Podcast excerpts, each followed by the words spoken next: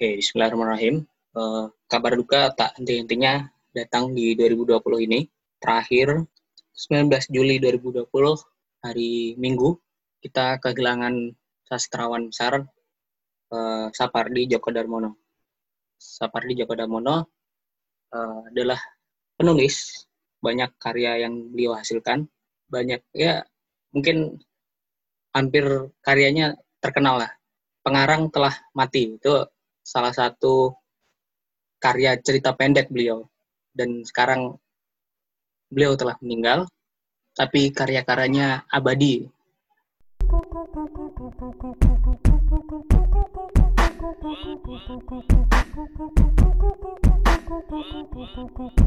Nah, kali ini pendekar bercakap spesial uh, membahas tentang karya-karya beliau yang dan kesan kami uh, terhadap karya-karyanya. Telah hadir bersama saya, uh, oh ya, saya Takidin Jafar selaku yang memandu kali ini bersama dengan Dian. Halo Dian. Halo, halo semuanya. Ada juga Rena ada. Halo Rena. Halo. Semuanya, ah, halo. Uh, kalau kalian berdua kan anak-anak sastra nih. Hmm. Aduh, pressure nih. Eh. apa uh, apa karya pertama Sapardi yang kesan buat kalian? Silakan Teteh. Dian dulu lah dari Sasa, dari Sasindo kan Dian. Wah, terima kasih ya teman teman-teman pressure-nya.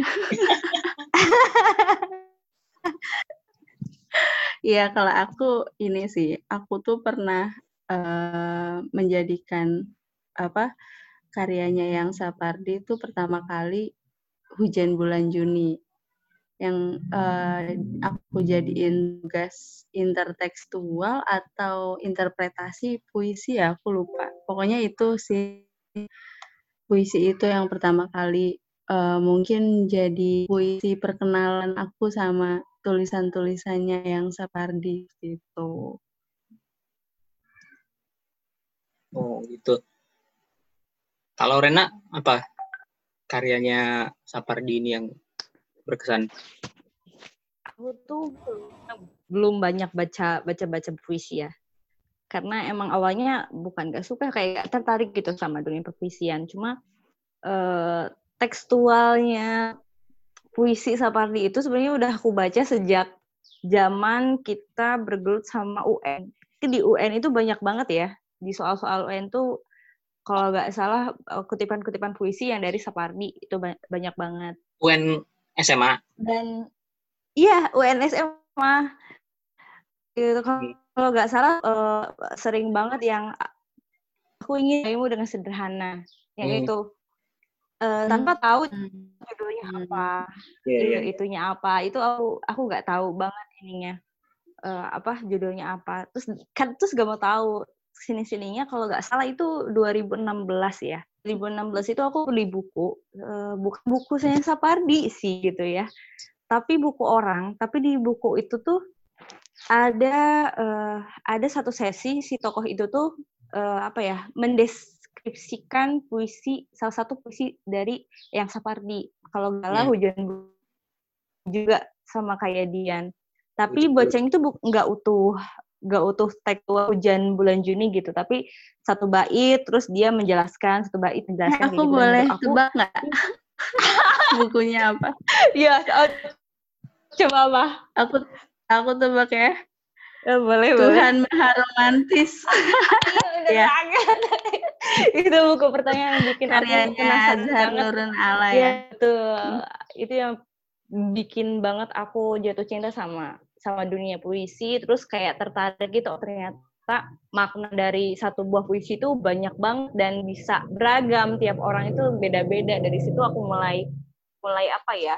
Mulai suka lah sama puisi kayak gitu. Sampai sekarang. Terlebih hmm. hujan bulan Juni ini tuh kan kalau nggak salah itu ada ininya ya apa ada filmnya juga ya? Iya. Ya ada yeah, filmnya yeah. juga. Aku sering yeah. lihat sih.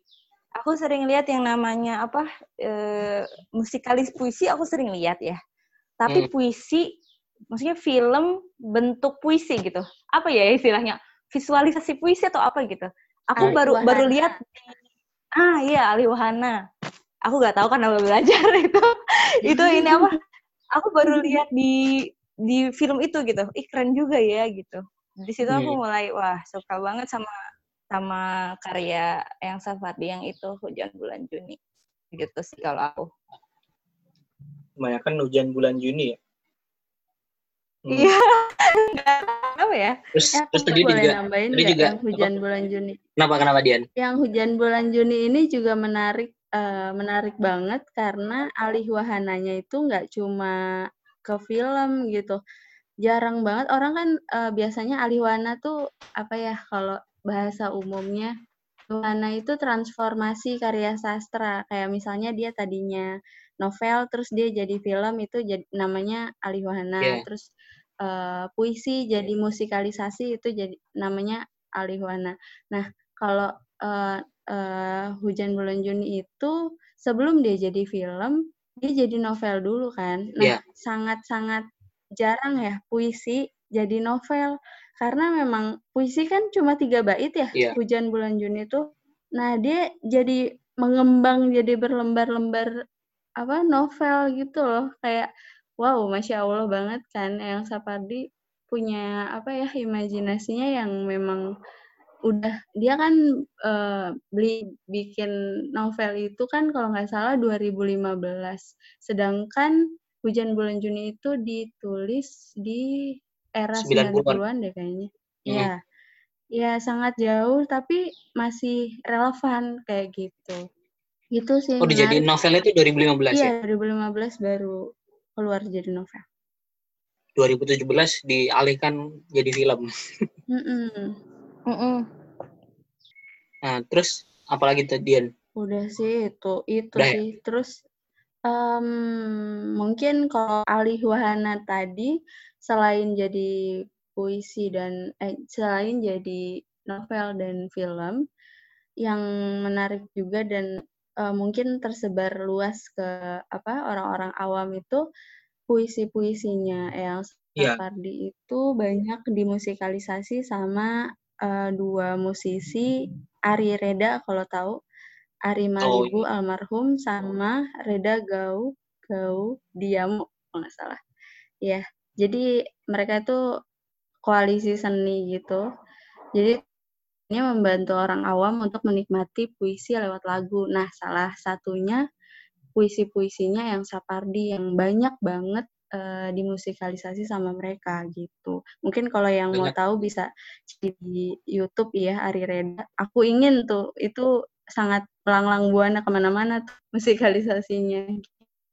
Hmm, ya menarik tuh.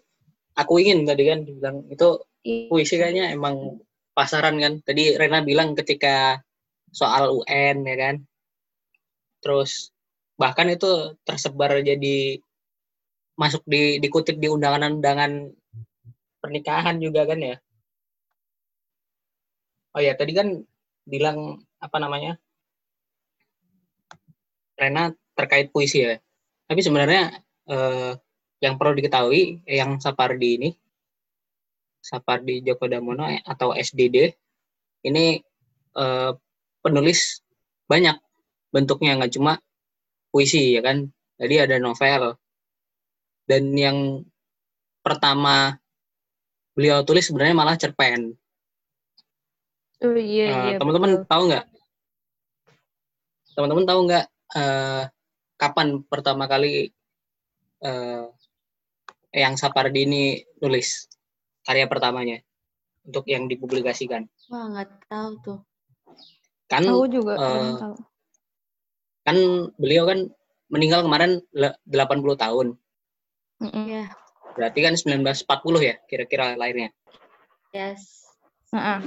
1940. dan yang terkenal kan mungkin bu, apa eh, dukamu abadi ya yang dikenal pertama di penerbitan ya itu 1969 Wow. tapi sebenarnya tapi sebenarnya sebelum itu beliau itu sudah nulis karya pertama itu 1950-an ketika Hmm. SMP.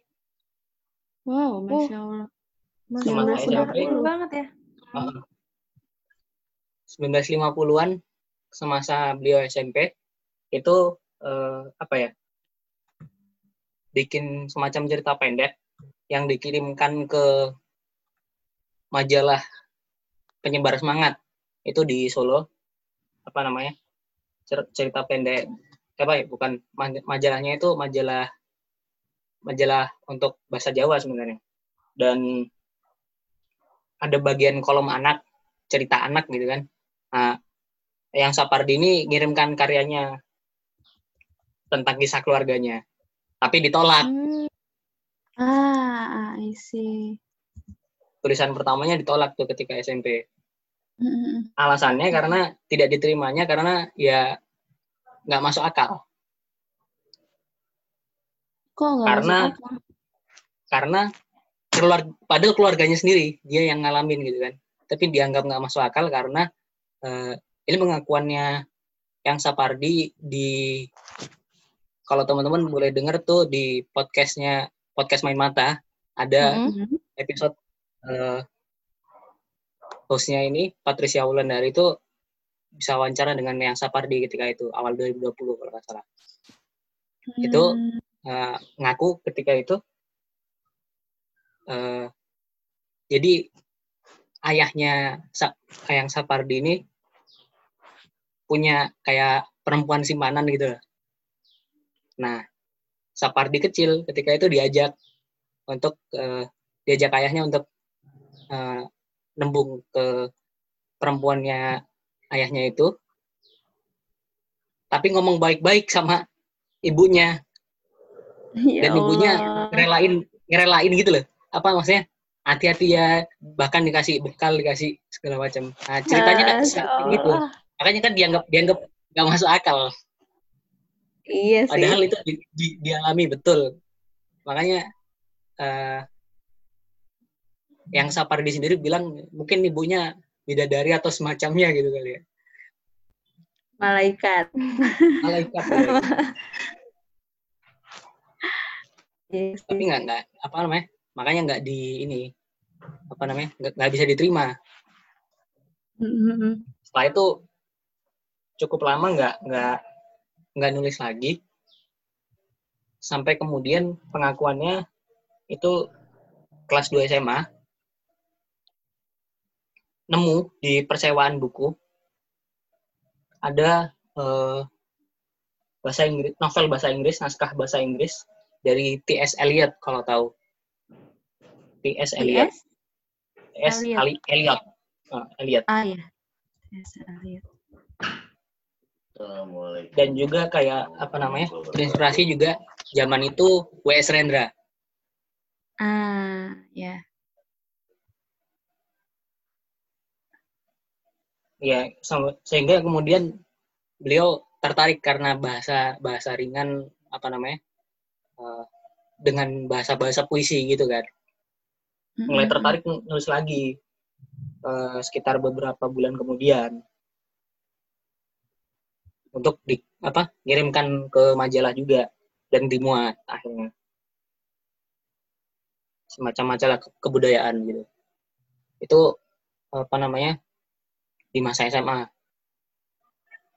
dan dia akhirnya di tahun 58 beliau kan lanjut studinya di sastra Inggris UGM Iya. karena ingin mempelajari karena tadi inspirasinya. Eliot itu tadi Mhm. dan di situ memang eh, apa ya yang Sapardi pernah bilang juga kalau misalkan dengan apa penulis ini memang butuh menguasai bahasa asing dan beliau sendiri mengakui banyak belajar ketika menerjemahkan eh, transkrip naskah-naskah bahasa asing bahasa Inggris gitu Hmm. banyak berkembang ketika apa kan dia selain naskah-naskah tulisannya sendiri banyak karya yang menerjemahkan apa namanya uh, karya-karya dari luar. Termasuk yang cukup bagus itu kan uh, ada naskah drama dari Australia itu di tahun 91. Sepelita sajak dari eh sepilihan sajak da, sajak dari Australia itu. Hmm. Mendorong Jack Kunti-Kunti 91. Dari menerjemahkan banyak belajar beliau. Karena kebetulan juga kan kuliahnya sastra Inggris gitu kan. Dan beliau bilang uh, kok yang apa pernah karena terjemahannya itu tadi juga ramai kan. Hmm. Diprotes juga sama orang Australia yang bisa bahasa Indonesia. Bah, apa terjemahannya nggak sesuai.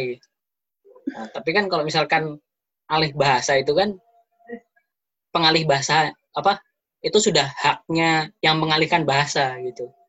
Iya. Uh, apa namanya kilahnya yang Sapardi gitu. Jadi kayaknya menarik juga untuk misalkan kita bisa bahasa asing gitu ya untuk diterjemahkan ke bahasa Indonesia itu akan apa ya mengembangkan kemampuan kita juga gitu nggak Rena yang mempelajari bahasa asing juga pasti gimana gimana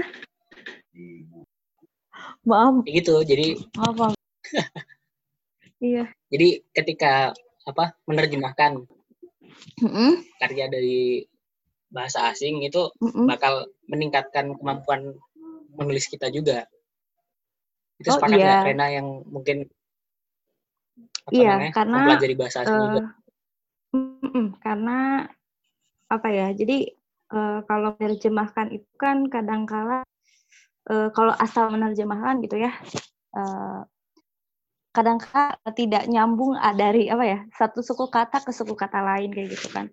Nah di situ kita belajar lagi yang namanya apa ya istilahnya ya misalkan uh, ada istilahnya bahasa yang perlu dipahami gitu kan. Makanya uh, frasenya itu kadang nggak utuh satu frase aja kadang nggak utuh gitu. Kalau misalkan kita hanya asal menerjemahkan dari bah satu bahasa ke bahasa lain. Iya. makanya diperlukan kemampuan bahasa kemampuan benar-benar kemampuan berbahasa bahasa yang keduanya tuh yang di apa ya yang dituju gitu sehingga nanti mm -hmm. mungkin akan menambah uh, pembendaharaan dari mulai bagaimana uh, mengolah uh, mengolah apa ya pemakaian kata sambung atau nantinya diksi-diksi lainnya kayak gitu sampai benar-benar si bahasa yang diterjemahkan itu bisa dipahami sama si pembaca lain kayak gitu. Memang itu hmm. sih kalau Oke ya. Ini ya, apa uh, ketika mengalih bahasakan itu kan juga sering buka kamus dan akhirnya mendapatkan diksi-diksi yang sebelumnya mungkin nggak kepikiran juga kan. Mungkin itu juga ya. Dan bahasa dan bahasa kamus itu biasanya kan apa ya? nggak nggak biasa kita maaf ada iklan. Iklan. Ada iklan. Hmm. yang memang uh, bahasa kamus itu juga kan uh, tidak sering kita gunakan sehari-hari kayak gitu kan. Kadangkala setelah kita terjemahkan ke bahasa kamus tuh kita perlu perlu mencari juga padanan dari bahasa itu gitu. Apa yang kira-kira lebih sering digunakan masyarakat sehari-hari kayak gitu. Hmm nabung banget Biasanya sih penerjemahan aku. juga kan ada yang kata per kata juga yeah. kan itu bikin kita apa punya perbenaran kata yang banyak karena biasanya yeah. kalau uh, penerjemahan secara kata per kata banyak yang nggak sesuai kan teh Iya betul banget gitu. jadi apa ya uh, belajar bahasa asing itu menurut aku satu dari sekian cara kita juga untuk belajar bahasa sendiri sih bahkan yang aku alami pribadi malah makin cinta ke bahasa Indonesia gitu. Hmm. Jadi penguasaan hmm. bahasa asing memang penting. Ya penting. Apalagi buat penulis pengarangnya. Betul banget. Nah, balik lagi nih. Uh, yang Sapardi di tahun 74 itu udah jadi dosen UI dosen sastra ya sastra Indonesia atau hmm. dosen ya pokoknya fakultas sastra lah hmm. masya Allah ya apa uh, kiprahnya itu banyak banget gitu dari mulai uh, menjadi apa ya penulis dengan berbagai dengan berbagai macam genre, genre gitu. Terus beliau juga masih punya yeah. kesibukan lain sebagai dosen. Dosen. Tetap ngajar dosen. Dan apa ya? Kalau kalau pengakuan yang Sapardi sendiri tuh beliau nggak percaya dengan namanya inspirasi karena apa ya nulisnya yang Sapardi ini emang setiap hari gitu kan mm-hmm. Dan memang harus niat gitu. Ketika niat nulis ya nulis. Nanti apa yang terpikir akan bisa tertuangkan gitu aja gitu. Ya karena mungkin nulis udah jadi bagian dari hidup beliau gitu ya. Nggak bisa disebut definisi apa pun gitu selain nulis. Selain ya itu memang udah menjadi bagian dari kehidupan dia sehari-hari. Hmm. Ya, Kerennya gitu. Jadi bisa diciptakan sih. Mungkin lebih iya, kayak makanya. gitu. Nulis-nulis aja gitu kan. Yang hmm. penting niatnya. Dan apa ya? Uh, yang beliau suka itu sebenarnya kalau ditanya karyanya apa yang paling beliau suka? Beliau suka tulisan yang belum ditulis tulisan yang belum ditulis. Iya. Kenapa tuh? Senang dengan puisi atau sajak-sajak yang belum ditulis. Karena akan bersaing dengan tulisannya yang sudah ditulis gitu. Ah, iya iya. iya. Jadi tantangan buat nulis lagi, tulis terus gitu. Oh, ah, iya iya. Ya. Dan kerennya lagi, beliau ini kan juga apa ya? humble, ramah dengan uh, kreator apa pengarang-pengarang baru yang masih muda gitu kan. Hmm, bener. Kalau nggak salah ter kolaborasi kolaborasi terbarunya ini ya cukup menarik ya. Sama iya. ini Rintik Seduh nah, ya. Itu Rintik ya. Seduh, anak muda tuh kan. Masih iya. muda, jauh banget. Jadi beliau tuh beliau tetap eksis dengan kebesarannya, bisa membersamai dengan anak muda yang juga luar biasa gitu kan. Dan karyanya tetap relevan gitu loh di di di masa sekarang ya nggak sih? Mm-hmm, iya makanya. Kalau nggak salah baru kemarin ya, uh, Februari apa ya? Ya bukunya ya, masih baru. banyak tuh di toko buku baru, juga. Masih banyak. Ya apa sih judulnya tuh? Uh, ada pulang pulang uh, pulangnya masih ya. Masih ingatkah kau jalan pulang? Nah iya beneran. Masih ingatkah kau iya. jalan pulang? Nyes banget gak sih ingat seduh dan ingat pas uh, apa ya kalau misalkan diingat kita ada karena ada pulang-pulangnya gitu ya uh, terus tiba-tiba tahun ini juga beliau berpulang gitu nyes banget apalagi katanya uh, setahu yeah. aku di unggahan beliau itu atau apa ya di beritanya gitu. Uh, yang Safari itu pernah bilang gini jadi sepanjang dia uh, men proses menulis karyanya yang sama kritik sendu itu itu beliau tuh kayak uh, setiap hari tuh selalu terpikir katanya percakapan-percakapan yang akan si tokoh yang beliau ciptakan dengan uh, seduh itu. Jadi benar-benar kayak setiap hari itu kepikiran terus sampai apa ya mungkin eh, kayak uh, uh, apa ya perasaan di mana kita ketika mau menulis gitu loh mm-hmm. benar-benar membuncah-buncah punya banyak oh ya punya banyak ide yang perlu dituangkan kayak gitu iya yeah, iya yeah. dan yang unik lagi apa namanya nggak uh, nggak cuma dengan penulis lain nggak cuma dengan apa seniman ya kan ada eh, apa namanya pernah berkolaborasinya itu dengan Darwis Triadi fotografer sama siapa ya pokoknya desainer desainer baju juga gitu jadi oh. dibikin pameran gitu dari puisi puisinya iya pameran sendiri berarti oh karya beliau aja gitu? Iya. Wow. Macam-macam lah, banyak. Iya, maksudnya semuanya hampir apa ya? Konsisten banget gitu beliau itu. Sampai semua semua media apa ya? Media alih bahasa atau apa ya disebutnya? Disambangi hmm. gitu ya. Iya, semua-muanya kayaknya. Lengkap-lengkap Iya, banget. Allah. Oh, terkait bahasa tadi kan tulisan-tulisannya Sapardi kan banyak juga yang apa tersebar di seantero bumi ini diterjemahkan dalam bah- banyak bahasa juga. Mm-mm. Apalagi yang apa itu tadi hujan bulan Juni itu. Itu katanya sampai ke Afrika, ke Amerika banyak. Oh iya kah? Sampai Iya. Afrika? Iya. Oh.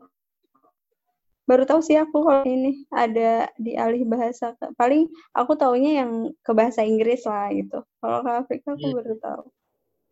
Sejauh Oh iya, itu ya. ada satu satu pesan lagi nih yang Apa aku tuh? ingat. apa namanya? eh, ketika sedang marah jangan nulis. Kenapa? Karena beliau pernah nulis eh, marah banget ketika mau Mm-mm. nulis tentang Marsinah. Marsina. Iya, iya, aku tahu. Itu prosesnya lama, akhirnya jadilah itu ayat-ayat api. 90-an itu kan. Berapa tiga tahun itu. Jadi mau nulis nggak jadi. Mau nulis nggak jadi karena masih marah. Gitu. Jadi prosesnya lama. Tapi marah kan juga emosi ya. Sebenarnya Iya maksudnya, maksudnya marah marah dan sedih kan Hmm. sama gitu, sama-sama emosi. Tapi kenapa marah Enggak, maksudnya- bisa menghambat gitu? Nggak nggak marah, jangan marah, jangan sedang menyimpan emosinya. Kita apa kata beliau itu eh, kalau mau nulis sajak Ah, ambil jarak dulu dengan objeknya. Apa pun. ah, Emosi apa pun itu ya. Jadi ah, iya, iya. mau memangnya sajak kenapa? cinta, sajak ya ada namanya eh, estetika distancing gitu ya, estetical distance gitu katanya. Hmm. Jadi biar ada jaraknya dulu gitu loh. Kayak kayak apa namanya? Ketika kita rindu, nah kita objek rindunya kita itu jangan kita temuin dulu gitu loh. Sehingga Hmm. kita bisa merasakan, oh gini nah gini gini. Jadi baru bisa mulai nulis. Kayak gitu. Wow. Beda ya profesional. Kalau kita mah kalau lagi sedih, pengen nulis langsung ditulis gitu.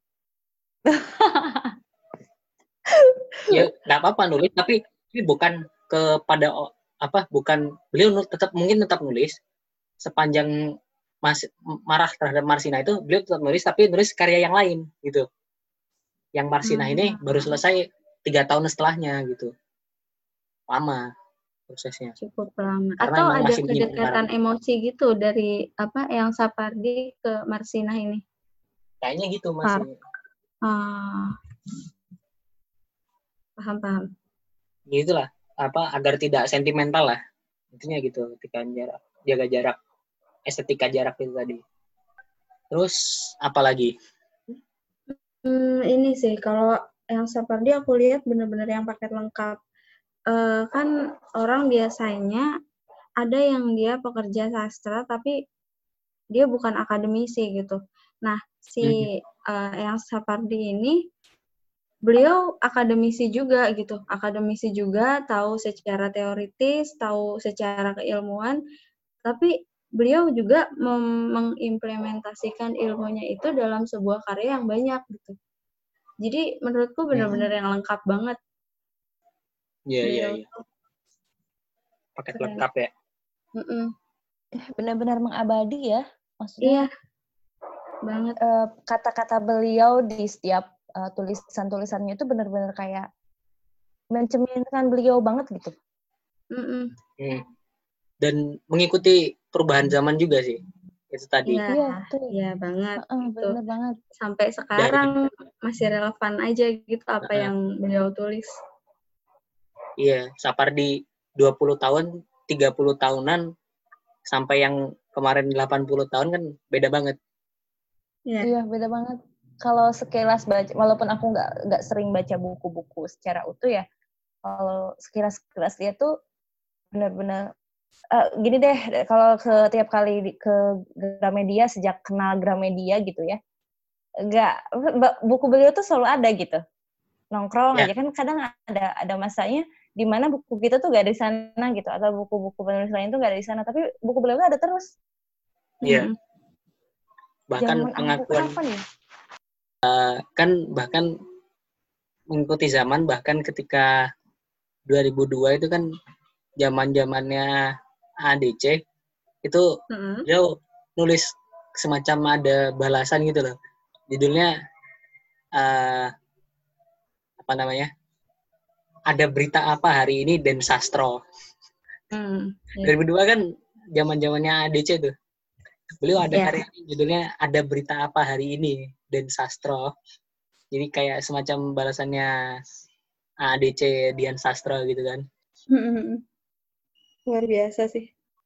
Beliau tuh kayak di setiap era tahun looping gitu, eh, beliau kayak punya temen yang punya mungkin teman diskusi yang eh, pada masanya itu gitu. Kayak misalnya saat eh, beliau umur 20 tahun ya udah sesuai eranya gitu mungkin. Tapi setelah ke sini ke sini beliau tuh kayak punya teman diskusi yang memang millennials gitu yang yang membuat beliau bisa menulis eh, apa ya menulis sesuai eranya gitu loh nah dan iya. yang aku yang aku apa ya heran tulisannya yang Sapardi itu nuansanya galau semua nggak sih maksudnya apa ya iya lebih ke kegalauan kegalauan gitu sampai dosen aku juga kalau nyeritain soal yang Sapardi pernah eh, bilang yang Sapardi itu dijuluki sebagai si tua galau Situ agak galau. Iya, karena tapi eh, beliau iya udah tua kan. Heeh, Iya, tapi benar-benar. kegalauannya mereka eh kegalauannya beliau itu bisa mewakili kegalauannya anak-anak muda, paham nggak? ah ya itu Ya kan? Iya. Gitu. Jarang ya ada karya Sarpa, Sapardi yang keras gitu. Beda ketika eh, ketika baca karya-karya Khairil Anwar misalkan Eh, dengan karyanya Sapardi kayaknya eh, beliau itu relevan dengan segala eh, segala generasi, semua generasi gitu ya. Terus konsisten gitu, temanya tuh gitu terus. Iya, benar. Khairil Anwar satu buku aja itu sense-nya berbeda, ngerti nggak? Iya. ya ya ya Iya kan, Eh, maksudnya nggak nggak selalu sama gitu rasa yang di apa ya, rasa yang di ininya. iya jadi Iya. dia nggak nggak berhenti pada apa eh, dengan pengarang generasinya aja gitu kan Heeh, Mm-mm. benar. Mm. Dan untuk mencapai itu pasti beliau riset kan, maksudnya ngelihat nih sekarang eh, apa lagi eranya tema apa gitu. Pun tema-tema patah hati misalnya, patah hatinya kan eh, setiap era, setiap tahun juga beda kan. Maksudnya Ya. gaya gaya bahasa, gaya apa pun itu nada, nada bicara segala macam. Tapi tetap sampai sekarang tuh eh, masih apa ya? anak-anak muda sekarang pun eh, memakai karya-karyanya beliau gitu. Itu tanda bahwa karya-karyanya beliau tuh diterima gitu dari segala kalangan. iya kalau kata apa namanya eh, salah satu editor sastranya GPU penerbit Hmm. eh, penerbit Gra- Gramedia Pustaka Utama Sastra itu GPU ya. Heeh. itu stok karyanya apa namanya yang Sapardi ini banyak banget dan cukup dari yang Sapardi ini aja yang karyanya diterbitin udah menuhin target satu tahun gitu. Wow, masya Allah. Nah, Gimana kalau ya misalkan- jadwal- rasanya jadi dia? iya kalau misalkan kayak udah kayak schedule-nya ini ya. Kenapa? Atau gimana gimana? schedule apa? Schedule apa? Kalian delay. sorry sorry. Schedule-nya apa teh? Ya udah kayak schedule-nya apa ya? Artis-artis besar gitu loh. Jadi schedule nulisnya itu udah satu tahun kayak gitu. Hmm, Eh, kayak touringnya Panji. kayak touringnya Rans Entertainment gitu. tapi emang beliau nulis terus kan ya. Iya, biasa. Iya. Terus kalau kalau tadi Konsisten. kata kata kalian guys. apa terus kata kalian tadi apa namanya terkait bahasanya ya bisa nyesuaiin ya Hmm. karena dia eh, prinsip beliau ya karena tulisan itu kan bahasa tulisan itu kan residu dari bahasa lisan jadi apa yang Iya. emang apa eh, Mm-mm. jadi obrolan sehari-hari itu ya yang beliau jadikan untuk tulisannya itu makanya beda beda Iya. generasi ya beda masa ya emang menyesuaikan obrolan-obrolan kita masa-masa itu juga. Yang emang lagi populer apa beliau gunakan gitu kan. Kerennya di situ tuh. Iya benar. Mm-mm. Tapi harusnya susah nggak sih Far kayak gitu? Karena iya adap adaptasi tiap tiap masanya itu kan beda. nggak nggak bisa nggak bisa mudah sih. Ada gap. Benar. Menarik sih. Kayaknya memang eh, beliau bakal jadi salah satu yang walaupun sekarang ya benar kata beliau yang eh, waktu itu fana ya. Maksudnya beliau udah nggak Iya. ada masanya udah habis gitulah istilahnya. Hmm. tapi karyanya ya entah sampai kapan bakal ada terus abadi. gitu. Iya luar biasa. Kerennya kerennya lagi ya apa namanya? Eh, selain puisi sajak fiksi kan cerita maupun novel gitu kan itu juga Mm. nulis non fiksi juga ternyata ya karena emang beliau akademisi ya gila bang Ya, aku punya bukunya yang uh, ini. Beliau memang praktisi ahli ahli ahli ahli wahana. Itu Hmm. ada bukunya judulnya ahli wahana dan jadi acuan apa? Acuan apa namanya? Bahasa sastra sih. Waktu itu pas aku kelas sastra memang ada buku acuannya dari Sapardi seperti itu. Judulnya ahli wahana dan itu non fiksi. kan sebagai akademisi juga ada juga produknya gitu kan gila emang Iya, keren Ah. banget. langsung gitu ya. Jadi kita kalau ketika eh, belajar dari misalkan eh, teori-teori beliau itu em- gitu. kenapa putus suara Putus-putus ya? Ya mohon maaf, next ini. Iya, ya Allah, maaf. Iya, maksudnya kan tadi eh, buku beliau tentang alih wahana itu kan menjadi acuan pembelajaran gitu ya. eh, Iya. dalam dunia pembelajaran bahasa dan sastra kayak gitu. Nah, ketika belajar dari sumber buku itu tuh eh, kita gak pusing melihat apa ya, melihat mana contohnya gitu, karena beliau sendiri tuh udah kayak udah praktek gitu. Iya, betul. Iya, eh, eh, jadi eh, ketika dijadikan acuan benar-benar pas. Oh iya, beliau tuh kayak gini, kayak gini, kayak gini. Karyanya seperti ini, seperti ini. Jadi kadang kita kan eh, kesulitan memahami teori-teori bahasa itu ya, karena karena saking karena banyak menurut aku, menurut aku pribadi banyak banget dan ketika si penulis itu sendiri atau si yang menjadi rujukan buku itu sendiri apa ya tidak memiliki sesu gambarannya gambaran yang jelas ya? kayak per, contoh oh, contoh konkret itu susah benar-benar Hmm. susah gitu Iya, dan beliau udah ngasih teori, terus ngasih juga contohnya gitu. ya luar Iya. biasa sih masya Allah banyak banget emang ba- jadi sampai- amal yang nggak akan pernah pusut tuh sampai kapan? Iya, itu insya Allah, ya Allah. Iya sampai Semoga sampai masa-masa tuanya kemarin kan ya masih masih ngajar juga kan? Mungkin Iya, Iya, beliau. Parah. di UI Produktif. pensiun, pensiunnya habis pensiun di UI juga masih ngajar di IKJ kan? Ya, ya beliau gitulah. itu percontohan pensiun yang sebenarnya ya.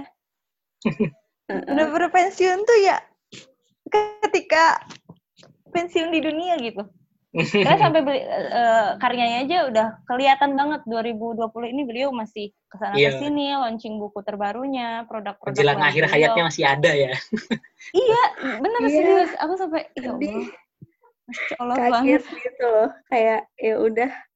Bahkan Iya. pas beliau meninggal, pas aku ngeliat eh, apa namanya feed feed Instagramnya itu masih mau launching ini ya buku, Iya. buku masih ada yang dalam the bareng way istrinya gitu. kalau nggak salah itu ada Oh iya, Kalau yang terakhir. kalau nggak salah yang baru itu nah, emang luar biasa Iya, ya. Allah. Tapi pelajaran juga sih yang bisa didapat dari cerita Jafar tadi. Eh, pertama kali nulis pun seorang Eyang Sapardi gitu. Pernah ditolak ya karena dianggap tidak tidak apa? Iyalah. Tidak mas- masuk akal. dan aku yakin ya orang-orang besar itu pengalaman gagal dan ditolaknya itu juga lebih, lebih banyak. ketimbang Iya, betul. iya lebih banyak ketimbang kita kita yang kita mah baru satu ditolak satu di ini aja udah enggak Iya. gak mau lagi segala macam Ya itu sih pelajaran banget sih. Sebesar Eyang Sapardi ternyata pernah ditolak karena dianggap tidak masuk akal gitu. Jadi menyemangati kaum muda lah yang Hmm. gampang banget loyo ya, gampang banget patah semangat. Baru ditolak sama media massa sedikit langsung eh udahlah gitu. Itu ditolaknya tahun 50-an. Iya tuh, 50-an. iya Kebayang sekarang kemudahannya udah berli- berlipat-lipat kan, banyak banget media belajar kan. Ya, Dulu nggak ada. beliau beliau ngerasakan dari nulis tangan, mesin tik, komputer. iya Allah. semua zaman ya Iya, luar biasa. dari ini masa kan, apa? eh, Pemberitaan kemarin kemarin ketika meninggalnya kan hampir semua media pasti ada oh iya berita dukanya. betul banget berita dukanya sampai di berbagai macam platform sih menurut aku aku hampir lihat lihat apa ya lihat setiap kali lihat medsos aja ya ini bukan berita gitu di medsos aja itu kayak beranda aku semuanya penuh Sapardi Sapardi Sapardi kayak gitu kebayang ya perasaan Eyang Sapardi waktu beliau nulis eh, bait puisi yang itu loh yang apa pada suatu hari nanti jasadku tak akan ada lagi tapi dalam bait-bait sajak ini kau tak akan kurelakan sendiri. Kalian tau nggak? Pernah denger nggak? Ah, sedih. Iya? Iya, itu yang Iya. pada suatu Aku hari. benar-benar, iya, yang itu ampun ya Allah, benar-benar Iya. apa ya? Ketika tulisannya benar-benar terjadi gitu ya. Iya, Iya. heeh, jadi kayak Waktu yang dimimpi-mimpikan. Iya mau kayak seolah beliau itu ya mau mau kita apa eh, apakah kita sukai menyukai sajaknya ataupun tidak tapi pasti kita ada tahu bersentuhan dengan karya-karyanya beliau tuh iya, Iya. pastilah. Cara gak sadar atau enggak ya, bakal selalu kayaknya kayak aku ada mikirnya Eh, dari tadi kan aku sama Terana udah nih apa eh, puisi-puisi yang kita suka dari Sapardi. Nah, Oh iya, dari gimana, Jafar belum loh. Heeh, belum nyebut. belum itu nyebut. Agak makanya curang kalau ya. bentar, bentar. kalau kalau aku sendiri sebenarnya eh, nggak begitu ada kesan tertentu dengan karyanya beliau maksudnya Oh, eh, kalau teman-teman udah nemuin satu dua apa namanya eh, karyanya beliau yang emang berkesan kalau aku nggak nggak nggak nemu gitu. Tapi emang beliau emang layak untuk dapet respect aja gitu loh. Aku nggak nggak seberapa suka eh, tapi karya beliau emang bagus gitu loh. Tau nggak maksudnya? Aku nggak ngikutin. Iya, iya, iya. dan emang dapat materinya ini eh, yang kita bahas hari ini emang baru nyari-nyari kemarin gitu loh baru Oh alah. Iya, iya, iya, iya. apa ya ya Nah, karyanya bagus gimana? cuma bukan yang eh, karyanya berkesan buat aku gitu ah, I see. apa namanya Ya, Eh, kalau kayak karena kayak kami kan kayak apa namanya? sih. aku ingin itu aku tahu Eh, tapi nggak nggak gitu. nempel di ingatanku untuk jangka waktu lama gitu nggak Iya, Mm-mm. iya. gitu mungkin ya Paham, paham. eh, itu makanya eh, aku ngadakan ini pengen tahu sudut pandang teman-teman juga Eh, Hmm, iya, iya. semoga pendengar di sana buat pendengar eh, pendengarnya pendengar cakap nih hmm, baik yang udah apa namanya eh, menikmati karya-karya Sapardi ataupun enggak pasti bakal apa namanya respect banget lah dengan beliau ini mungkin bakal ada yang banyak membeli karya-karya beliau setelah ini ya kan banyak Iya, Ya. pasti sih. Menurut aku mah pasti itu. Di Ipusnas aja, aku ini nih, Mm-mm. intermezzo. Di Ipusnas, sebelumnya tuh aku cek masih lumayan banyak ya kopinya. Maksudnya kalau di Hmm. Ipusnas kan kalau mau baca itu kan bisa yang antri gitu kalau seandainya memang dia bagus banget. Jadi emang antriannya banyak karena di Ipusnas cuma ada beberapa kopi gitu. Nah, pas eh, sebelum beliau meninggal itu masih ada satu atau dua, jadi belum eh, nggak mesti ngantri gitu. Oh, yang Nah yang pas bisa nggak pakai beliau ngantri. meninggal, ya pas beliau meninggal langsung habis dan ngantrinya bisa sampai ratusan orang. Nggak tahu kapan kebagian ininya, kebagian bacanya. Menarik. Pasti laku banget sih ininya. Buku-bukunya langsung dicari. Iya, Mm-mm. itulah. Eh, jangan lupa kita doakan keselamatan beliau lah. Iya. Itu aja mungkin ada lagi mungkin yang mau dibahas. Apa teh? Kalau diulik kayak banyak banget yang tadi. Hmm, enggak. Ini pasti juga dipotong-potong banget sama sih. Ya mungkin nanti eh, kan ini anak-anak pendekar ini nggak semuanya bisa hadir ya. Hmm. Eh, nggak bisa hadir di sini. Ini suaranya udah mulai keriting-keriting. Mungkin ini eh, mungkin gini mungkin nanti eh, yang nggak hadir di sini teman-teman mereka yang nggak hadir mungkin bisa eh, dalam di dalam memorial eh, yang apa bisa bisa coba untuk membacakan puisinya kali ya. Boleh banget. tuh. Iya, itu. Boleh banget. boleh, boleh. Iya, udah. Iya. Mungkin untuk kali ini cukup segini dulu. Kenapa? Ya. Yaudah. Eh, makasih Dian, Rena. Eh, untuk pendekar ucap kapal ini kita cukupkan. Kita pamit undur diri.